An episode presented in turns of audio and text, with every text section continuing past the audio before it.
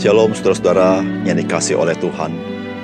Permasalahan, pergumulan, kesulitan, penderitaan, itu adalah hal-hal yang familiar yang saudara dan saya bisa, akan, dan mungkin mengalaminya.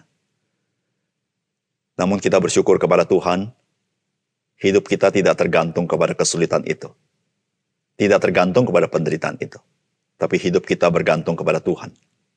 Yang memberikan hidup dan menyediakan berkat bagi kita. Bahkan kehadirannya memberikan pertolongan kepada kita. Di situlah saudara kita bersyukur. Kita menjadi anak-anak Tuhan. Yang dikasih oleh Bapa Dan Bapa tahu apa yang engkau dan saya perlukan. Salam jumpa dalam program Tuhan adalah Gembalaku. Saudara, apakah respon saudara ketika saudara hidup di tengah-tengah begitu banyak orang yang penuh dengan pergumulan, penuh dengan permasalahan, penuh dengan penderitaan, penuh dengan kesulitan? Saudara, bukankah itu realitas di mana kita hidup hari ini? Saudara, ada orang yang memberikan respon seperti ini. Dia mengeluh. Karena orang itu menganggap kesulitan, penderitaan di sekitar dia itu sangat mengganggu kehidupan masyarakat. Dan ada juga orang ketika melihat kesulitan, penderitaan, pergumulan, permasalahan orang-orang di sekitarnya, orang ini mulai berpikir siapa yang salah dengan situasi yang seperti ini. Saudara saya percaya, kalau saudara ke kantor, kalau saudara di di mana pun saudara berada, saudara pasti berjumpa dengan orang-orang yang bergumul, ada permasalahan bukan? Saudara bagaimana respon saudara? Saudara Tuhan Yesus dilingkupi oleh orang-orang yang punya pergumulan, penuh kesulitan. Mungkin putus asa juga. Tetapi kalau saudara perhatikan, Tuhan Yesus ketika melihat semua orang itu, dia jatuhlah belas kasihannya terhadap mereka. Alkitab mengatakan, mereka itu seperti domba yang tidak bergembala. Saudara, bagaimana sebenarnya kita melihat kehidupan kita di tengah-tengah pergumulan, sahabat-sahabat kita, saudara-saudara kita, teman sekantor kita, saudara-saudara kandung kita, atau famili kita, atau siapa pun. Saudara, mari kita membaca Lukas pasal 13 ayat 10 sampai 21. Pada suatu kali Yesus sedang mengajar dalam salah satu rumah ibadat pada hari Sabat. Di situ ada seorang perempuan yang telah 18 tahun dirasuk roh sehingga ia sakit sampai bungkuk punggungnya dan tidak dapat berdiri lagi dengan tegak. Ketika Yesus melihat perempuan itu, ia memanggil dia dan berkata kepadanya, "Hai ibu, penyakitmu telah sembuh." Lalu ia meletakkan tangannya atas perempuan itu dan seketika itu juga berdirilah perempuan itu dan memuliakan Allah. Tetapi kepala rumah ibadat gusar karena Yesus menyembuhkan orang pada hari sabat. Lalu ia berkata kepada orang banyak, ada enam hari untuk bekerja. Karena itu datanglah pada salah satu hari itu untuk disembuhkan dan jangan pada hari sabat. Tapi Yesus menjawab dia katanya, Hai orang-orang munafik. Bukankah setiap orang di antaramu melepaskan lembunya atau keledainya pada hari sabat dari kandangnya dan membawanya ke tempat minuman? Bukankah perempuan ini yang sudah 18 tahun diikat oleh iblis harus dilepaskan dari ikatannya itu karena ia adalah keturunan Abraham?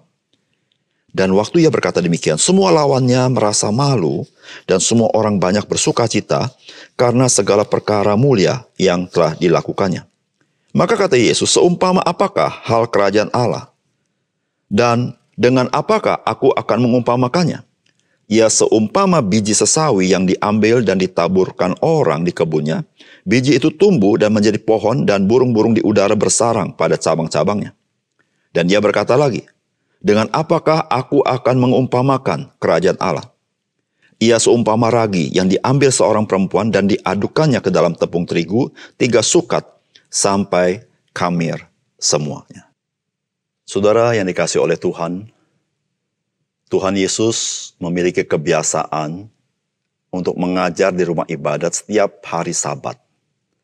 Dan memang ada banyak kasus ketika Tuhan Yesus mengajar di hari Sabat, ada saja orang datang dengan kebutuhan mereka. Kali ini yang datang adalah seorang perempuan yang dikuasai oleh roh jahat. Sehingga dia sakit sampai punggungnya menjadi bungkuk. Dan Alkitab mencatat bagaimana Tuhan Yesus menyembuhkan dia, memulihkan dia, sehingga dia sembuh. Saudara, jikalau engkau dan saya berada di rumah ibadat pada saat itu, saya percaya engkau akan bersuka cita, bergembira, bersorak, bahkan bertepuk tangan. Karena ini mujizat luar biasa, bukan? Roh jahatnya meninggalkan dia dan dia pulih, saudara. Tapi saudara, yang sangat miris adalah bagaimana respons daripada kepala rumah ibadat. Kepala rumah ibadat dari kata-katanya menyayangkan apa yang dilakukan oleh perempuan yang datang ke rumah ibadat itu. Dia berkata, enam hari kamu boleh datang untuk disembuhkan. Tetapi jangan pada hari sabat. Mendengar itu Tuhan Yesus berkata, engkau adalah orang munafik. Kenapa? Karena hewan yang engkau punya, bukankah engkau lepaskan? Tiap hari sabat, engkau bawa untuk minum. Bukankah perempuan ini diikat oleh kuasa si jahat?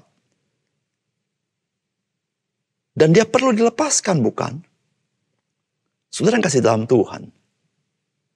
Ini yang terjadi di dalam peristiwa ini. Saudara, apakah pesan firman Tuhan bagi kita hari ini? Saudara, yang pertama, Saudara, setiap hari itu ada begitu banyak orang yang membutuhkan kasih Tuhan. Karena bagi mereka tidak ada lagi pertolongan. Saudara, di situlah setiap hari merupakan kesempatan yang Tuhan sediakan bagi kita untuk menyatakan kasih Tuhan. Saudara, setiap hari pasti ada orang-orang yang membutuhkan pertolongan Tuhan. Dan ketika orang-orang itu ada butuh pertolongan, saudara, itu adalah kesempatan yang Tuhan berikan kepada kita. Bagaimana kita menjadi berkat bagi mereka. Saudara, jika setiap hari ada orang-orang membutuhkan pertolongan, maka setiap hari itu adalah kesempatan yang Tuhan sediakan bagi kita orang-orang percaya. Tidak pandang hari apa pun. Di situ memberitahukan tidak ada satu hari di mana kita sebagai orang percaya tidak perlu menyatakan kasih Tuhan kepada orang lain. Karena setiap hari begitu banyak orang yang membutuhkan kasih Tuhan. Demikian juga ketika kita masuk ke hari Minggu. Hari Minggu kita beribadah kepada Tuhan. Tapi di situ tidak memberitahukan kepada kita bahwa pada hari itu tidak ada orang yang membutuhkan kasih Tuhan. Oleh karena itu hari Minggu pun menjadi kesempatan bagi orang percaya untuk menjadi berkat kasih Tuhan kepada mereka. Dengan pelbagai cara yang Tuhan titipkan kepada kita. Saudara marilah kita melihat bahwa segala pergumulan manusia merupakan kebaikan Tuhan bagi kita untuk kita menyatakan kebaikan Tuhan bagi mereka. Tuhan memberitahukan kepada kita, engkau dan saya harus berperan menjadi berkat bagi mereka setiap hari. Saudara. Yang kedua, Saudara Injil Yesus Kristus adalah Injil yang sungguh memberkati dan dibutuhkan banyak orang. Oleh karena itu, Injil Yesus Kristus melalui kuasa Roh Kudus terus diberitakan sampai hari ini. Saudara, itulah yang Tuhan katakan. Tuhan mau memberitahukan seumpama apakah kerajaan Allah itu. Maka kerajaan Allah itu seumpama biji sesawi yang kecil itu ditanam di kebun. Awalnya begitu kecil, tetapi kemudian dia akan menjadi besar pohon yang besar sehingga burung-burung akan senang berada di sana. Artinya apa? Artinya awalnya Injil itu ada di tanah Palestina. Dengan kedatangan Yesus Kristus, Yesus memberitakan Injil. Tapi sudah perhatikan, hari ini Injil sudah tersebar ke seluruh dunia. Karena Injil itu adalah berkat Tuhan yang istimewa bagi manusia. Dan manusia membutuhkannya. Itu digambarkan burung-burung bersarang di pohon itu. Dan bukan itu saja. Injil itu yang menyatakan kuasa kerajaan Allah itu. Itu bagaikan ragi yang mengkamirkan seluruh tepung terigu yang diadon itu. Artinya apa, saudara? Saudara, artinya Injil adalah Injil yang memberikan pengaruh yang sangat besar, yang mengubah manusia. Saudara yang kasih dalam Tuhan, Tuhan punya pelbagai cara untuk memelihara Injil dan menyebarkan Injil. Dan Tuhan mau pakai saudara di dalam rencananya.